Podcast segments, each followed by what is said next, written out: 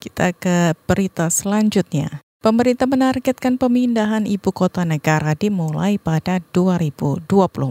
Kepala Badan Perencanaan Pembangunan Nasional Bapenas Bambang Brojonegoro memastikan lokasi pemindahan ibu kota baru akan ditentukan Presiden Joko Widodo tahun ini. Semua kajian dan berbagai aturan administrasi juga ditargetkan rampung dalam waktu bersamaan. Bambang menyebut pembangunan infrastruktur akan dimulai pada 2022 dan dikebut selama tiga tahun. Di tiga tahun terakhir ini adalah yang bangunan, yang maksudnya konstruksi secara real, terutama untuk selain infrastruktur dasar yang sudah dibangun sebelumnya, kita sudah masuk ke fasilitas pusat pemerintahannya, demikian juga kawasan pendukungnya, terutama perumahan. Jadi skenario waktunya berarti ya kemungkinan pemindahan adalah di tahun 2024 tersebut.